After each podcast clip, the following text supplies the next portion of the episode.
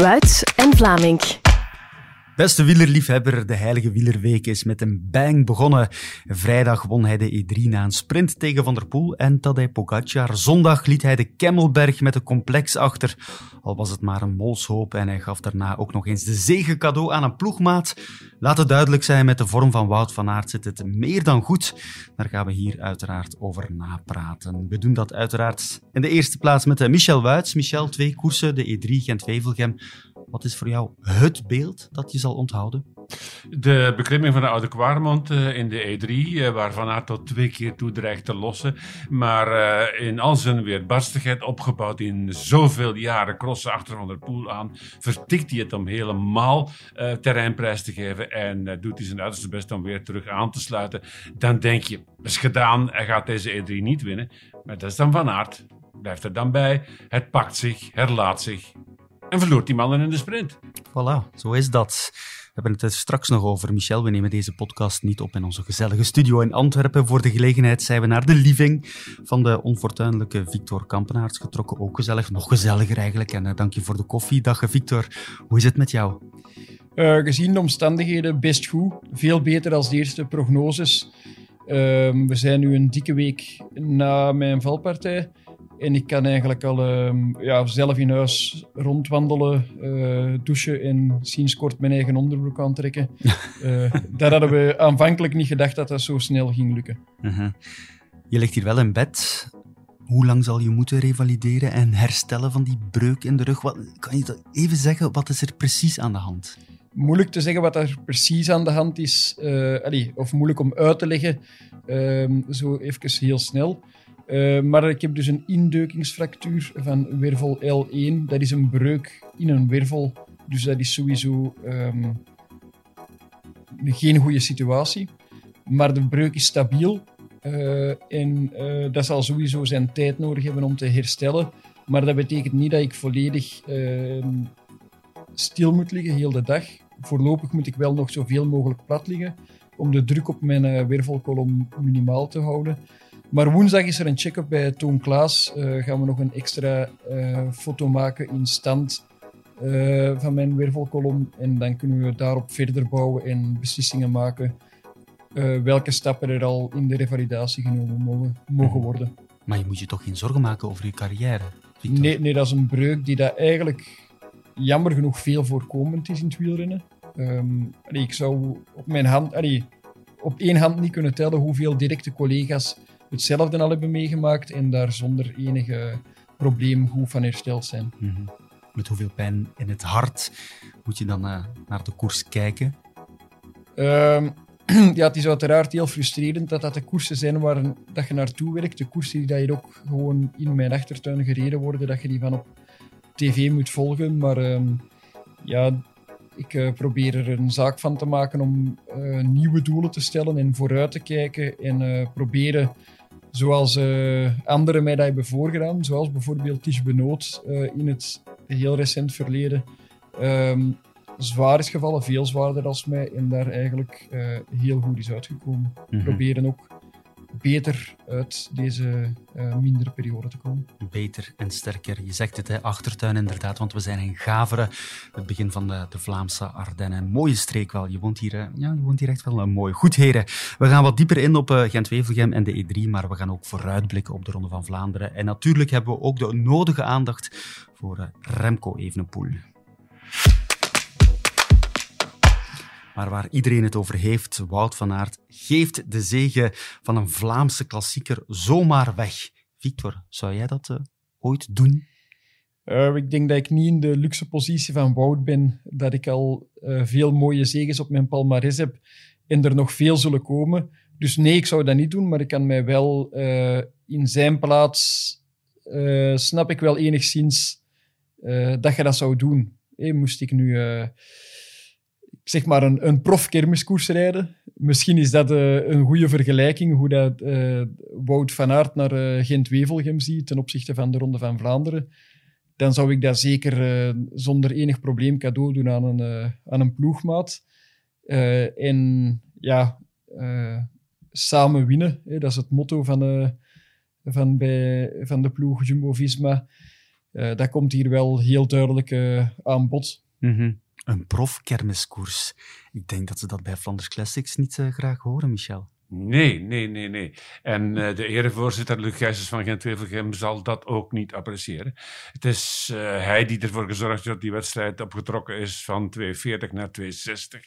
En daar heeft hij zijn uiterste best voor gedaan bij de UCI. Ik kan me niet inbeelden dat al die mensen rond dat oude bestuur van Gent-Wevelgem en ook van Classics, ik kan me niet inbeelden dat die heel tevreden zijn met de gang van zaken van de wedstrijd gisteren. Nee? Nee, nee, ik kan me niet inbeelden dat je tevreden bent met iemand die die overwinning gekregen heeft. Mhm. Ondanks zijn verdiensten. En ik kan me ook niet inbeelden dat je tevreden bent met uh, het, ver het, vertoon van de tegenstand. Waren er nog andere ploegen in wedstrijd dan Jumbo-Visma? Heel weinig natuurlijk. En hoe belabberd kun je voor de dag komen als peloton? Dat moet pijnlijk zijn geweest. Er rijden er twee weg en er gebeurt vrijwel niks. Er is weinig uh, samenhorigheid. Er is niet één ploeg die zich echt vindt in het verweer. Het is een soort van, ja, uh, we leggen er ons bij neer in gelatenheid. Ja. En dus komen we er niet meer aan te pas. Maar Michel, we hebben het er straks over. Begrijp jij de beslissing van Wout van Aert om de zege aan Christophe Laporte te geven? Ja. Ja, omdat het over Wout van Aert gaat omdat ik probeer om Wout van Aert een beetje beter te kennen. En omdat ik uh, al voorspeld heb en ook al zien gebeuren dat Wout van Aert iets gelijkaardigs gedaan heeft in Parijs-Nice van vorig jaar. Mm -hmm. In de eerste etappe van uh, Parijs-Nice rijdt hij weg samen met Roglic en Laporte. En het is uh, Van Aert die de aanzet geeft. Dat zie ik Roglic niet doen. Het is Van Aert die de aanzet geeft om Laporte de zegen te schenken. Dus het was al eens geschied. Mm -hmm. En toen ik Van Aert bij de laatste klim van de Kimmel, uh, langs de kant van de Ossuaire, tijdens de volle klim zag omkijken, in de wetenschap van ik moet hem meepakken, want ik heb hem nodig, toen dacht ik al, hij gaat nog een stap verder gaan. Hier komt een cadeau. Dacht jij dat ook, Victor? Um, dat vond ik wel aan het gegeven dat hem die, die koers weggegeven heeft. Ge, ge, aan het gegeven dat hij die koers weggegeven heeft aan Christophe vond ik dat wel minder dat, de, dat hij daar was er duidelijk een verschil dat Wout beter was. Dat was niet het geval uh, in Parijs-Nice vorig jaar. Eigenlijk ook niet het geval in de E3-prijs, waar dat Wout dan wel won. Maar dan zouden we kunnen zeggen dat ze de evenknie van elkaar waren. we gingen er dan wel vanuit dat Wout de motor was in die ontsnappingen Parijs-Nice en E3, gezien zijn palmarès. Maar gisteren was echt wel duidelijk dat Wout de zegen aan Christophe gegeven heeft. En als hij had gewillen dat hij had kunnen... Dat hij, altijd had gewonnen, dat geeft een beetje de, de, iets wat, het iets wat naar gevoel bij die, bij die cadeau. -hmm. Nu is het zo, ik heb uh, Wout vorig jaar na die E3 uh, gesproken, even apart genomen. En ik stelde de vraag, heb je nu vandaag afgezien? Want het leek allemaal zo makkelijk te gaan. Ja, toch wel. Op de laatste hellingen waar ik het uh, werk alleen op mijn schouders moest nemen. En er ook nog moest voor zorgen dat ik Laporte mee op mijn berry naar huis nam. Mm -hmm. Dus ook daar was er wel degelijk uh, sprake van. Ja, pak hem mee, ik wil hem niet achterlaten. Ja. Dat, dat, dat zit in de genen, of dat zit in het opvoedingspatroon van Wout van Aert. Wout van Aert is opgevoed om een seigneur te zijn en heeft zich als een seigneur opgesteld. Inderdaad, ik heb gisteren nog met uh, Jeff van den Bos gesproken, gisteravond aan het uh, ploeghotel in uh, Gent. En die zei me, dat is nu eens echt Wout. Die meent dat, die geniet hier echt even hard van. Ja, soms moeten we het gewoon niet verder zoeken, hè, want er wordt zodanig over nagedacht, over nagepraat, van ja, nu gaat hij de jongens, gaan die jongens nog extra voor hem werken in de volgende koersen. Maar is dat zo, Victor? Ik denk zeker dat hij daar op die moment even, even hard van kan genieten als hij zelf gewonnen zou hebben. Um, maar een koerscarrière duurt niet lang. Daarom zou ik die zegen uh, in zijn plaats nooit weggeven. Omdat als ik ooit in de situatie kom om um, Gent-Wevelgem te winnen, die fantastische koers, dan uh, zou ik die met beide handen grijpen. Omdat later, als je terugkijkt op die carrière, op, uh, op die resultaten, en je staat op één of op twee, maakt dat wel degelijk een heel groot verschil. Maar er op die moment evenveel van genieten als je ploegmaat wint en jij zelf op twee, of andersom, daar kan ik mij zeker in vinden. Dat lijkt mij heel logisch. Mhm. Ploegmaats vergaan, een palmares blijft voor altijd bestaan. Ik eh, probeer mij ook in de plaats te stellen van eh, Christophe Laporte. En ik stel mij de vraag, hoe gaat Christophe Laporte reageren als hem over vijf jaar, of over tien jaar, of over vijftien jaar onder de neus gewreven wordt van je hebt wel eens een klassieke wedstrijd gewonnen, maar je hebt hem gekregen. Mhm. Je hebt wel eens een etappe gewonnen in Parijs-Nice, maar je hebt hem gekregen. Dat voelt niet zo prettig aan. Dat kan ik u nu al verzekeren. Mhm. Dan gaat hij meer prat gaan op die fantastische Tour-etappe zeggen van eh, 2022, want daar was hij met voorsprong de betere. Dat is waar. Maar het staat toch wel mooi op zijn palmares, hè? gekregen of niet. Dat is nu eenmaal eh, een feit. Maar eh, En dan nog waren er ook wel heel veel renners dat graag hadden meegegaan in die aanval van Bout. Hij Hmm. was er toch maar telkens bij. Eh, en als ik mij niet vergis, in Parijs-Nice slaagt hij zelf wel de kloof met de rest van het peloton. Dus gekregen is dubbel natuurlijk. Ja, hè. Eh, hij was er ook. Hij stond ja, er ja, ook. inderdaad. Het, Ik het denk, feit- het, het is, het is een beetje jammer dat het grote publiek hem nu gaat onderschatten. En gaat vergeten van wat die jongen allemaal kan. En welke gigantische stap die gezet heeft van tijdrijder, halve sprinter bij Cofidis, naar eh, ja, man 2, man 3 bij Jumbo-Visma. Mhm. Bij Jumbo-Visma. En daar hebben ze veel mannetjes. Laten we het over de koers zelf hebben. Die ploeg heeft ja, de hele wedstrijd heel Gent-Wevelgem gecontroleerd. hè. Altijd de juiste mannetjes op de juiste plek, Michel. met, eh, met z'n drie. Ja.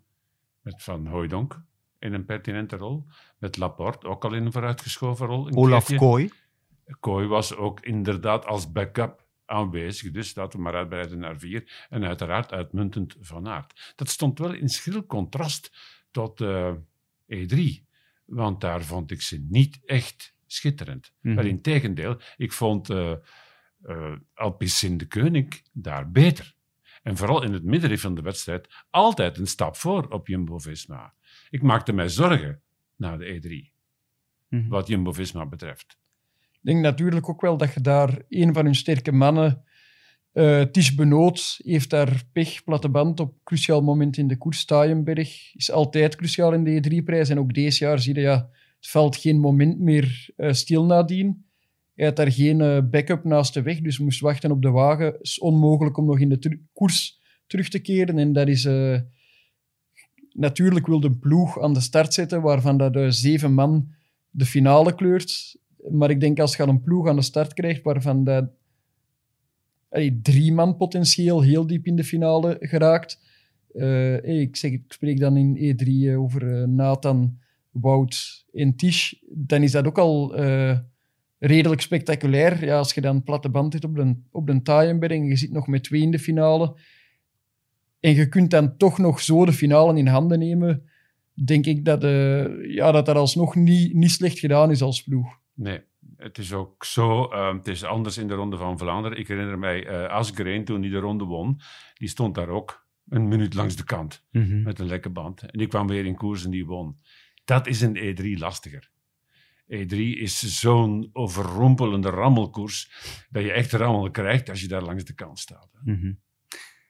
Laten we nog eens teruggaan naar de Kemmel gisteren. Bij de tweede keer de Kemmelberg demareerde Wout van Aert en Laporte. Van Aert eh, makkelijk vanuit het zadel, was toch wel eh, indrukwekkend. En dan bij die derde keer de Kemmel leek hij nog eens eh, de benen te testen. Hadden deze beklimmingen van Wout van Aert er met Pogacar en met Mathieu van der Poel erbij er even indrukwekkend uitgezien, Michel? Dan zouden die afgetoetst zijn aan de beklimmingen van de twee die je noemt. En zou dat misschien net iets minder indrukwekkend geweest zijn. Maar ik maak me sterk dat ze hem op die eh camels niet zouden klein gekregen hebben. Nee. Mhm. Ehm, ja, uiteraard zouden die mannen wel in staat zijn geweest om, eh, om mee, mee te gaan met Wout, zo mogelijk nog sneller. Eh, maar ik denk ook wel de Kemmelberg, zeker die eerste twee beklimmingen, is de positionering zo belangrijk. En daar is Wout met zijn ploeg vooral eh heer en meester in. Altijd op de juiste moment vooraan zitten.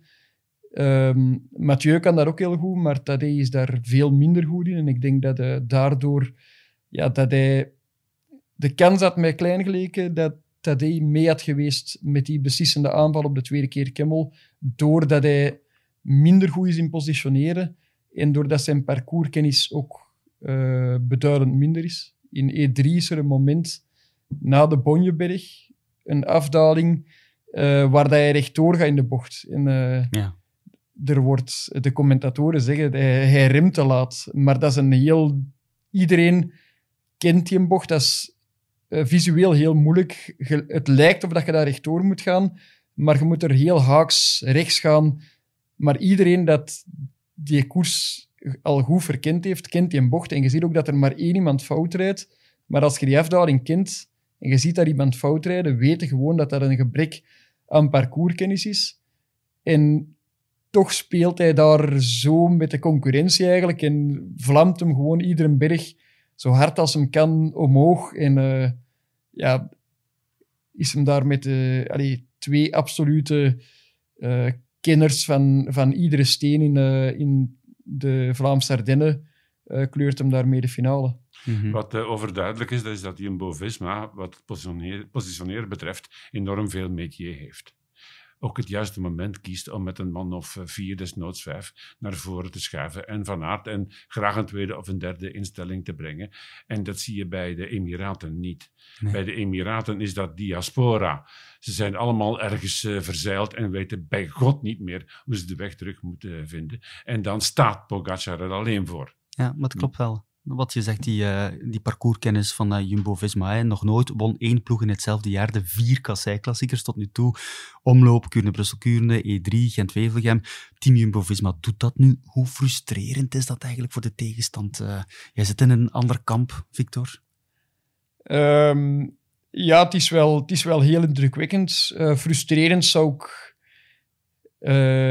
niet direct zeggen. Allee, of dat er nu die vier koersen door een ander ploeg worden gewonnen of, of door eenzelfde ploeg. Um, maar het is wel duidelijk dat ze op een, ja, op een globaal, of, of binnen de ploeg, met heel de ploeg, op een hoger niveau zijn als de, als de concurrentie. En dat is iets dat eigenlijk niet echt als een verrassing komt. Hè. Um, die ploeg, ik heb er zelf ook gereden, zijn heel gestructureerd bezig. Hebben dan op een moment ook uh, kapitaal gekregen, goede renners aangekocht. En dan uh, is die ploeg als een raket omhoog geschoten en hebben die eerst ingezet op de rondes. En dat was uh, ja, zeer snel uh, duidelijk dat daar het niveau ja, van zero to hero is gegaan in no time. En dan hebben ze een ploeg rond Wout uitgebouwd. En dat is ook nu zonder Wout gewoon een topploeg geworden. Hè? Mhm. Dat wil ik graag zeggen. En dat heeft veel voeten in de aarde gehad dat uh, bouwen van een ploeg op het niveau van de leider, dat heeft een jaar of twee, drie geduurd. En nu is het eindelijk zover dat die ploeg er is. Hè. En geloof me, wat Van Aert gedaan heeft, die uh, Gent-Wevelgem geschonken, dat heeft niks meer te maken met het uh, winnen van zieltjes binnen die ploeg, om hem toch maar als kopman te beschouwen. Nee. Het is niet om uh, Laporte in zijn achterzak te steken van nu tot het einde der tijden. Dat was al zo is gewoon een gebaar van een groot mens. Maar dat die ploeg zich moet schakelen rondom Van Aert, dat is overduidelijk. Mm. Daar gaan we het zelfs over hebben, zeker. Bij jouw ploeg, Victor, zag ik uh, veel pech, materiaalpech bij Florian Vermeer, alweer. Zat nogthans uh, goed in de wedstrijd. Ook materiaalpech bij Arno de Lee. Drie keer lek. Twee keer ook uh, problemen met het zadel. De Lee was wel uh, gefrustreerd achteraf. valt jou dat dan ook op tijdens de wedstrijd? Hoe kijk je daar dan naar als je jouw ploegmaat zo ziet zwoegen en afzien en vloeken? Um, ja, vooral Florian viel me heel hard op. Dat was ook duidelijk in, in beeld. Um, telkens, en die is in een hele goede conditie, maar heeft nog niet kunnen oogsten. Hey, Arnaud uh, heeft al wel veel kunnen oogsten deze jaar. Vorig jaar ongelooflijk kunnen oogsten. Maar Florian die is nog steeds op zoek naar die bevestiging, naar die tweede plaats in, in Parijs-Roubaix.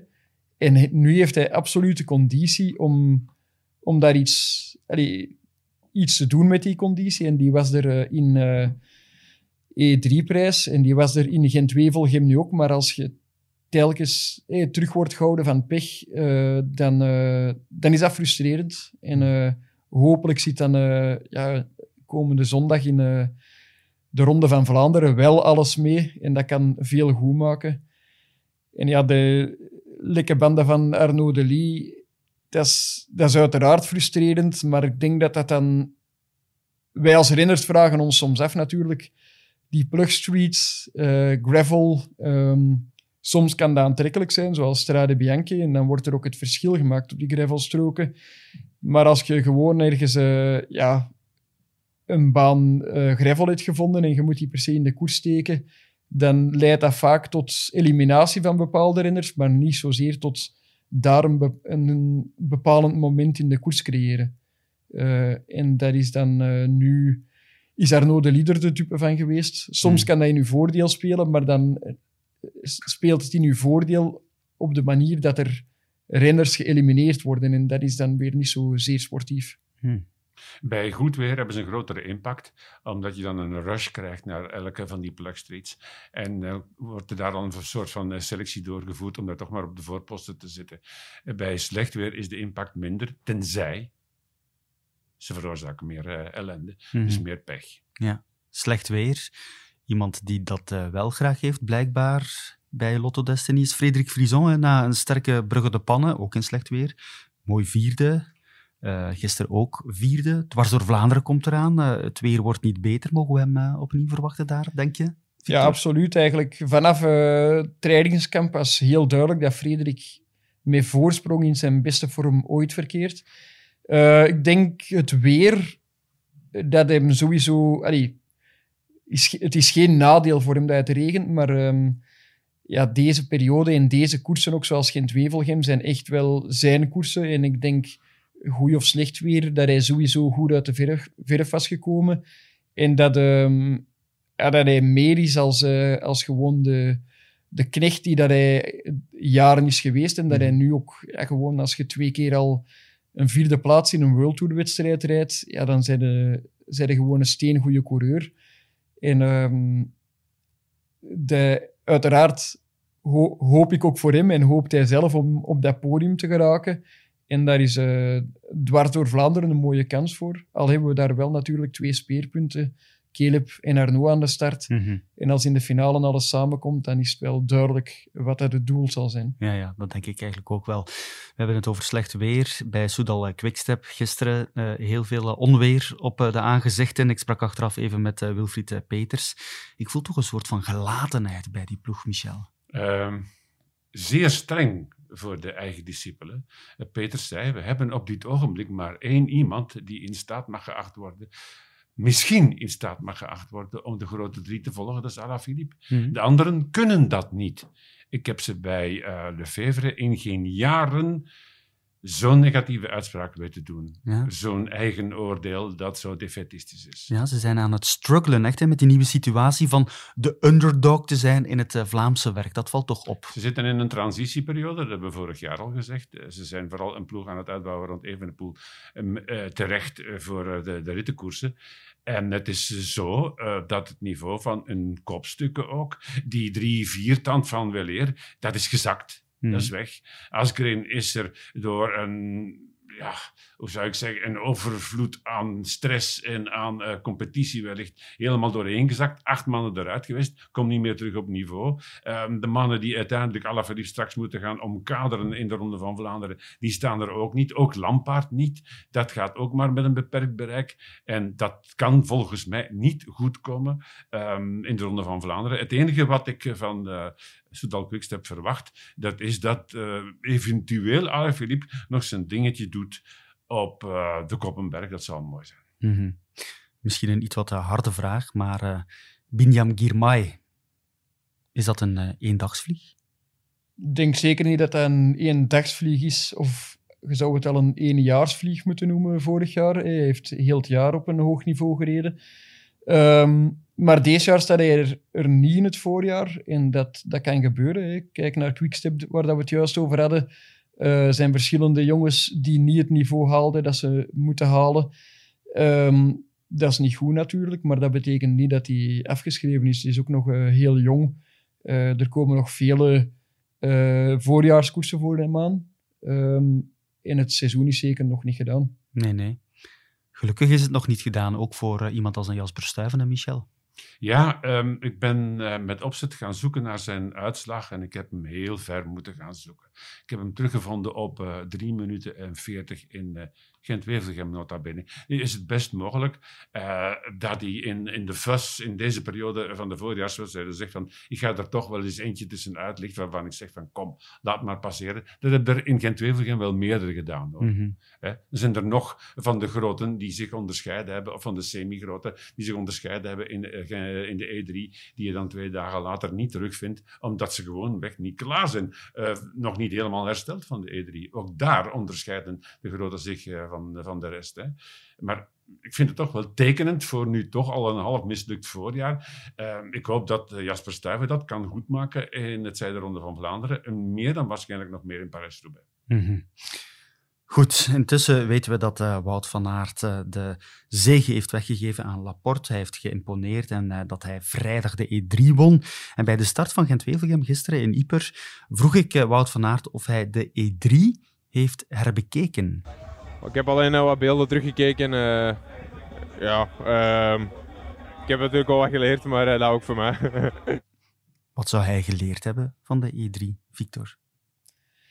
Um goede vraag. Ik zou alleen kunnen denken dat, um, dat hij als eerste de, de Quaremont opreed, misschien uh, zonder een versnelling te verwachten. Uh, grote plateau begon aan de Quaremont en daardoor moeilijk op snelheid kon geraken voor die, die versnelling van uh, Tadej te volgen. Ten opzichte van Van der Poel daar misschien meer klaar voor was en rapper op het wiel zat. En dat kan, kan, heel, allee, dat kan de benen echt afsnijden als je die eerste paar meter op een groot mis moet toerijden. Um, en dat heeft hem heel de Quaremont misschien geduurd voor daar echt goed van te herstellen. Voor de rest zou ik niet direct kunnen weten welk dat hij fout doet, want ja, hij wint de wedstrijd. Uh, dus de sprint heeft hem alleszins goed aangepakt. Michel? Dat hij op uh, een paar bergjes toch wel in de penarie kwam. Uh, dat hij op de Taaienberg uh, fameus uit zijn pijp moeten komen is om het uh, gat te dichten op Van der Poel. Dat ging nog wel. Op de Stationsberg was hij duidelijk beter, maar die doet men niet in de Ronde van Vlaanderen, als ik het goed heb. andere richting. Andere richting, ja, ja. Um, en dat de Oude Quaremont, dat is een probleem. En dat uh, probleem heeft vooral te maken met de heer Pogacar. Mhm. Mm -hmm. Want als Pogacar aan de oude Quaremont verschijnt aan de voet, dan krijgt hij een bezetenheid over zich. Die vliegt daarover. Dus een gekte, een innerlijke storm, een drang, onblusbaar. Die komt daaraan en die zegt van, dat is hier mijn bergse, mm -hmm. want die heeft lengte. Die is namelijk, ik heb dat op het kaartje gezien, twee kilometer lang. Maar voor, voor Pogacar moet het daar wel, hè, zondag. Hij moet de rest eraf rijden als niet hij wil winnen. Niet nee? noodzakelijk, nee. Bij de derde passage over de Quaremont volgt nog de pater. Maar hij moet ze er wel afrijden. Hij mag niet naar een sprint gaan. Um, daar gaan we vanuit, omdat we ons op één voorbeeld... De E3. Hè, ja, nee, op de Ronde van Vlaanderen van vorig jaar. Ah ja, oké. Okay. Ja. Daar baseren we ons op. Mm -hmm. Omdat daar fout gelopen is, omdat Van der Poel, die bijzonder nuchter blijft, uh, erin geslaagd is om nog tweemaal later terug te komen en uh, Pogacar helemaal in de war gebracht heeft. Mm -hmm. Ben je het ermee eens, Victor, dat uh, Pogacar niet noodzakelijk iedereen er moet afrijden, dat hij niet alleen moet binnenkomen als hij de ronde wil winnen? Um, de ronde is een heel speciale wedstrijd door zijn afstand. Uh, en E3 is ook heel zwaar, maar uw sprint in de ronde is zo afgebot dat het daar veel meer gaat over de, de man in koers, ja. zoals dat Asgren ook van der Poel kon kloppen. Uh, dus ik denk dat, uh, ja, dat Pogacar niet kansloos is daar in die sprint. Nee. Maar met, met Mathieu en Wout ja, die zijn duidelijk ook wel in zeer goede conditie. En als Wout een teken gaf van zwakte, dan was het op explosiviteit en niet op uithoudingsvermogen. Mm -hmm. Dus de, ik denk, ook, ook al is het een sprint na, na 400 kilometer, denk ik toch nog dat, uh, dat Mathieu en Wout beter uit de verf zullen komen als Tadej. Maar uh, ik kijk er alleszins rijkhalsend naar uit om die laatste passage op uh, de Quaremont te zien. Mm -hmm. Wat zeer interessant is, uh, en dat is in de E3 gebleken, dat is de aanwezigheid van de derde man in die sprint. Volgens mij is het Pogacar die in grote mate bepaalt dat Van Aert wint. Ja, Het is uh, Pogacar die ervoor zorgt dat de snelheid net hoog genoeg ligt. Pogacar, ik heb uh, de beelden een paar keer herbekeken, is ook de eerste, fractie eerder dan de twee anderen, om aan te zetten. op 250 meter. De anderen reageren bliksemsnel. En vooral Van Aert was veel meer gefocust dan toen in die Ronde van Vlaanderen die hij verloor in die sprint met twee. En in het uh, jongste wereldkampioenschap cyclocross. Hij leert altijd bij, dat heeft hij achteraf ook gezegd. Uh, Niet meer met mij. nee. Maar hij moet juist niets wel. Dat is ook wel zo. Op welke manier moet eh, Mathieu van der Poel het aanpakken? Zondag. Ehm, in elk geval zal dat eh, tactischer moeten. Hè? Je kan in de Ronde van Vlaanderen niet doen wat je in de E3 doet. In de E3 heb je die 204 kilometer en daar zie je als topper een hoek aan. Zie maar Bonen. Hm. Die vertrok op de Taaienberg boeken toe. En eh, bij Van der Poel heb ik vaak datzelfde gevoel. Spelenderwijs, doen wat je wil. Dat gaat in de ronde niet. Maar anderzijds, zijn uitslagen liegen niet. Hè. Nee, Vierde, eerste, tweede, eerste. Van der Poel zal op het podium staan. Is altijd en goed. Van der Poel heeft voor mij 70% kans om in het midden van dat podium te staan. 70 procent. Ja, 70% kans. Ja. Dus hij is de topfavoriet. Voor mij is hij topfavoriet. Voor jou ook, Victor? Ehm, het is wel waar, inderdaad. Zijn statistieken in de ronde liegen er niet om. Ehm, ik vond ook in, in E3 het plezier dat Mathieu in de koers beleeft, is, is eh, aanzienlijk. En eh, ehm, nog meer eigenlijk als Tadej. Tadej wacht tot de hellingen om er een lap op te geven, maar Mathieu doet dat eigenlijk eh, soms gewoon in het wilde weg er is een snok aan geven. Ik vond dat hij veel minder zijn ploegmaat gebruikte Mhm. als dat Wout dat deed. Ehm, maar hij heeft ervaring, eh, zeker vorig jaar tegen Tadej was hij toch wel de mindere man in de ronde en heeft hij toch kunnen winnen. Dus ik denk dat hij wel eh, meer als ervaring genoeg heeft en snugger genoeg is om eh, te weten dat de ronde een uitputtingsslag is en Mhm. dat hij daar wel eh, met, zijn, eh, met verstand moet koersen. En zoals eerder in de podcast aangehaald, voor jongens als Wout en Mathieu, het gaat om de koersen, de ronde in Parijs-Roubaix en minder om E3 en Gent-Wevelgem. Ja. Dus daar denk ik niet dat er allee, speelsheden zich zullen voordoen van eh, Nee, nee. Mathieu en dat echt wel, eh, als hij een, eh, een pijl afschiet, dat zal zijn om, eh, Om in de een roos te schieten. Ja, om een beslissing door te voeren. Uh-huh. Klopt mijn gevoel als ik zeg dat Wout van Aert meer nood heeft aan een mannetje bij hem dan Mathieu van der Poel en Pogacar? Wel, hij heeft het ook afgemaakt in de E3 zonder mannetje. Hè. Mhm. Ehm, qua ehm, conditioneel ehm, as- aspecten en vermogen liggen die drie echt zeer, zeer dicht bij elkaar. Eh, van der Poel, zijn beginsnelheid is onevenaarbaar. En Van der Poel is de meest inventieve, de meest creatieve van de drie. Met voorsprong zelfs. Mhm. Bij eh, Pogacar is de voors- voorspelbaarheid nu ook groot geworden. Quaremont. En eventueel, zoals ik net gezegd heb, met annex de Paterberg aan het eind. Dat zal hij ondertussen wel geleerd hebben. Volgens mij heeft Pogacar zich vorig jaar van Quaremont vergist. Hij is volle bak gegaan op Quaremont 2. Dat is nog ver, hè? Dat is nog En heel die ver. frisheid die was een tikkeltje weg bij Quaremont 3 Mhm. als hij die weet op te sparen en ondertussen in de aanloop naar Quaremont 3 ook nog wat hier en daar voor wat fuss kan zorgen, dan gaat hij er dichtbij zijn.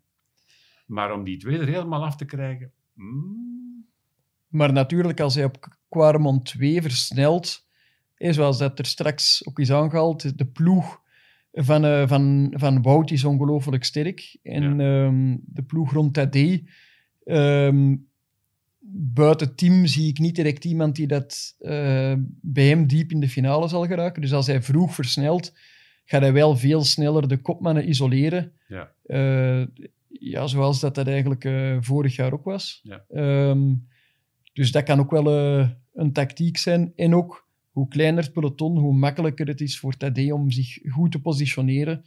Omdat dat is met voorsprong... Allee, eigenlijk ja, zijn, zijn, eh, zijn enige zwakte die ik zie in het Vlaamse voorjaar, waar dat posi- positie eh super bepalend is. En hij kan dat wel, kijk naar Milan-San Remo, maar in Vlaanderen is uw parcourskennis eh, zo belangrijk, veel belangrijker als in eender welke andere koers. Wat je ook hebt in de Ronde van Vlaanderen, ik, dat is dat aspect van anticiperen. Je kan er ook voor zorgen dat je daar al mannetjes hebt die eventueel nog wat van betekenis kunnen zijn. Dat is waar, maar eh, ik denk eh, dat E3 eigenlijk de enige koers is waarin dat je echt kunt antici- anticiperen. Die koers is heel lastig, maar blijft beperkt van afstand. Als je in de Ronde van Vlaanderen eh, jongens voorop stuurt, dan als je daarbij komt boven de 200 kilometer, Dan, moeten dat al heel straffe kerels zijn als die dan nog iets kunnen betekenen in de koers. Ja. Goed. Stel dat het een Van Baarle is.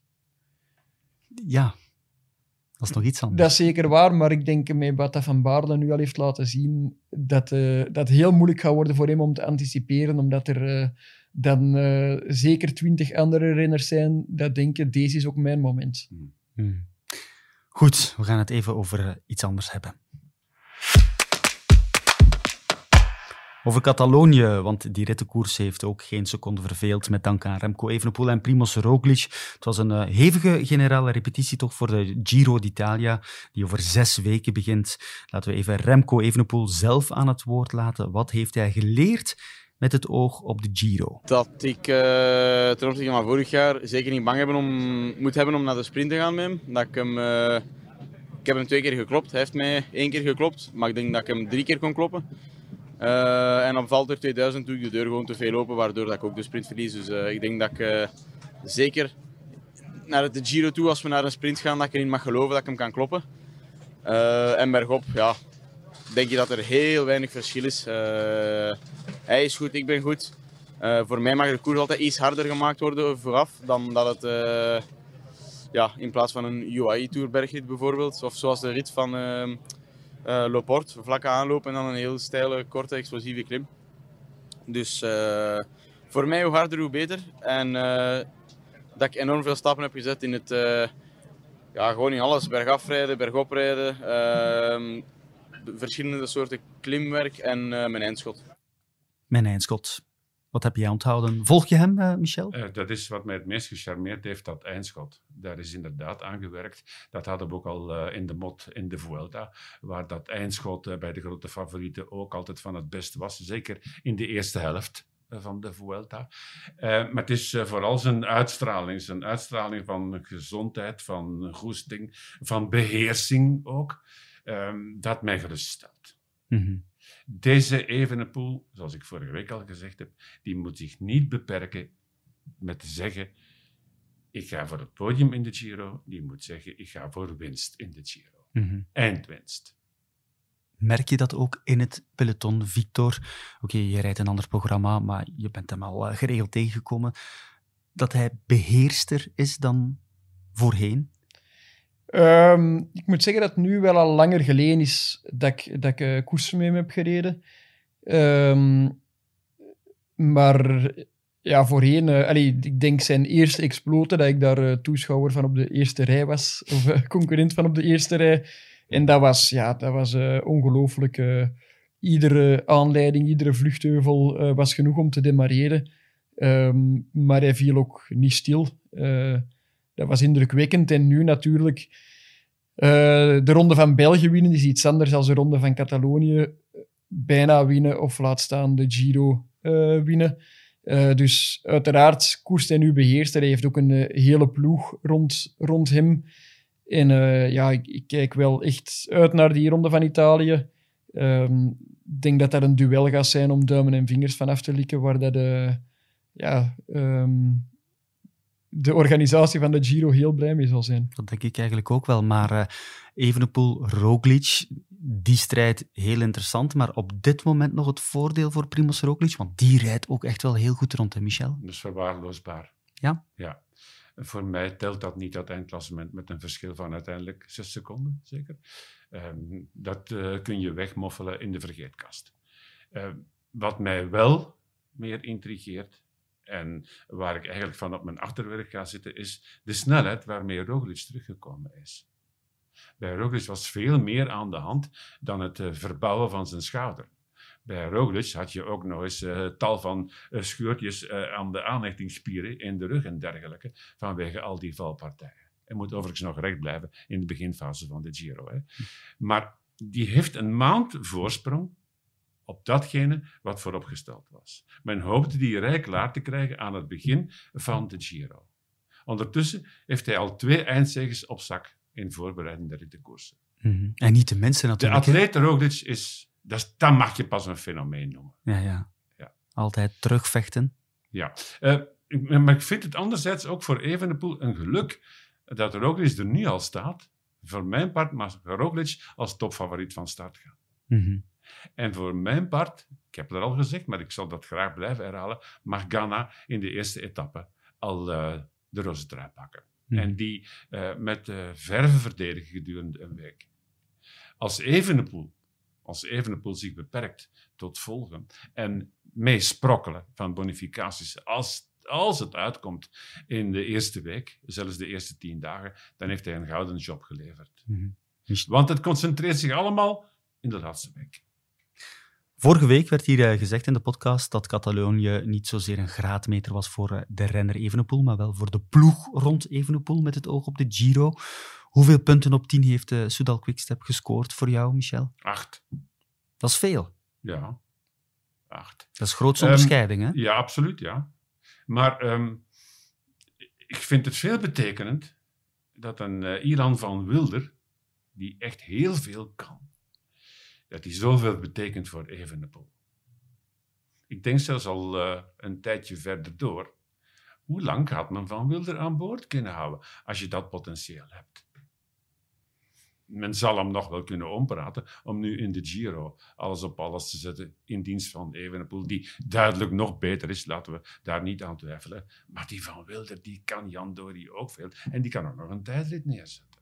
Maar kan Soudal Quickstep, Victor, de kwaliteit van uh, Team Jumbo-Visma, de ploeg rond Roglic, evenaren?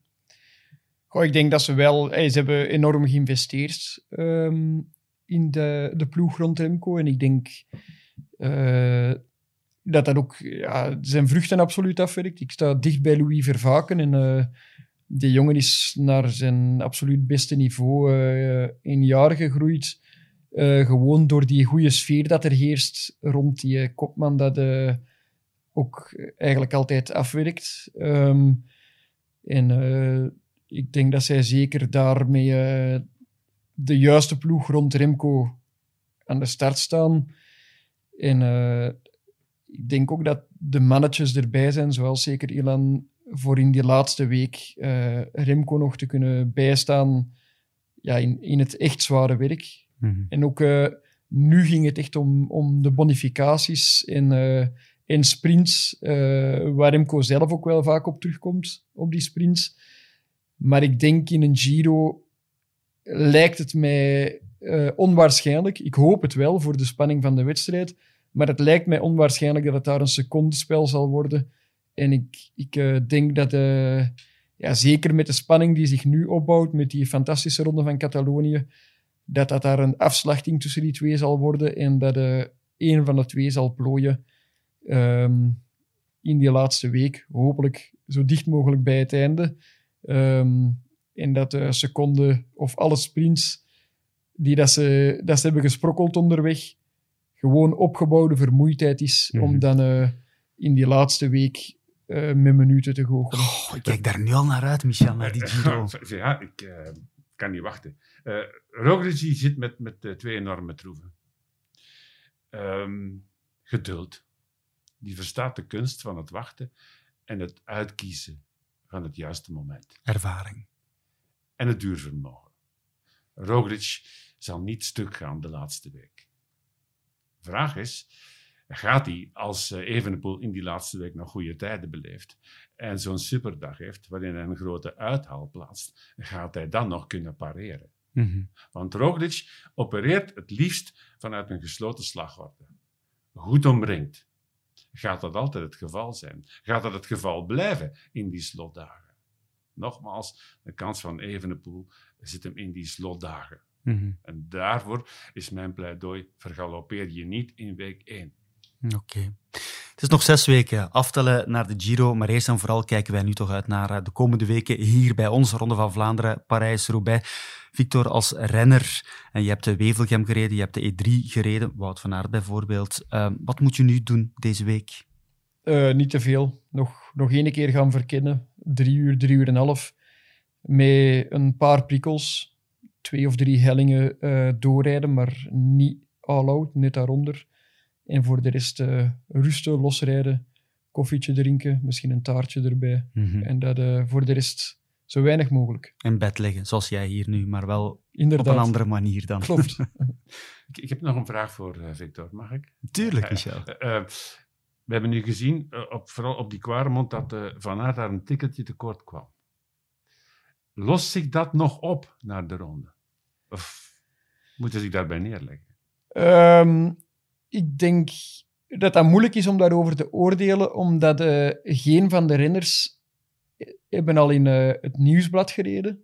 En anders zouden een bepaalde tendens kunnen trekken. En dan zouden kunnen zeggen uh, dat Mathieu die versnelling miste in het nieuwsblad en die nu wel heeft en dat die misschien net op zijn top is en een klein beetje gaat afbotten. Mm -hmm. en dat, dat Wout in het nieuwsblad wel die versnelling had, nu minder was en mogelijk nog meer gaat afbotten en dat de, dat verschil groter wordt. Of net andersom, dat ze dan Wout net wel meer naar zijn topvorm toe groeit. Wat dat zo lijkt als je dan eh, uh, Gent-Wevelgem na E3 zet. Um, maar ik denk dat op een week kan er veel gebeuren um, in positieve of in uh, negatieve zin. Maar is nu de kans niet groter dat Van Aert Parijs-Roubaix wint? Groter dan de Ronde van Vlaanderen? Um, het blijft natuurlijk wel... Je vergelijkt hier met Mathieu van der Poel en Tadej Pogacar op hellingen die op hun maat geschreven zijn. Um, ik denk nog altijd dat, de, dat Wout veel meer kans maakt om de Ronde van Vlaanderen te winnen, omdat je in Parijs-Roubaix zoveel externe factoren hebt, zoveel materiaalpech, uh, mogelijke kansen op materiaalpech, en dat er dan jongens, zoals bijvoorbeeld een Stefan Kung, uh, voor mij bijna op gelijke voet staan als ja. Wout. Oké. Okay. Ik denk dat hij op het uh, vlakke zo steenhard rijdt nu op dit ogenblik dat zijn kansen in Roubaix groter zijn. Oké, okay. we zullen het zien. Hè? Zondag Ronde van Vlaanderen, de zondag daarop Parijs-Roubaix. Oké, okay, heren, we kunnen afronden. Victor, bedankt uh, voor de ontvangst aan jouw bed en nog een goed herstel. Michel, merci en uh, bedankt om te luisteren en heel graag tot volgende week naar de Ronde van Vlaanderen.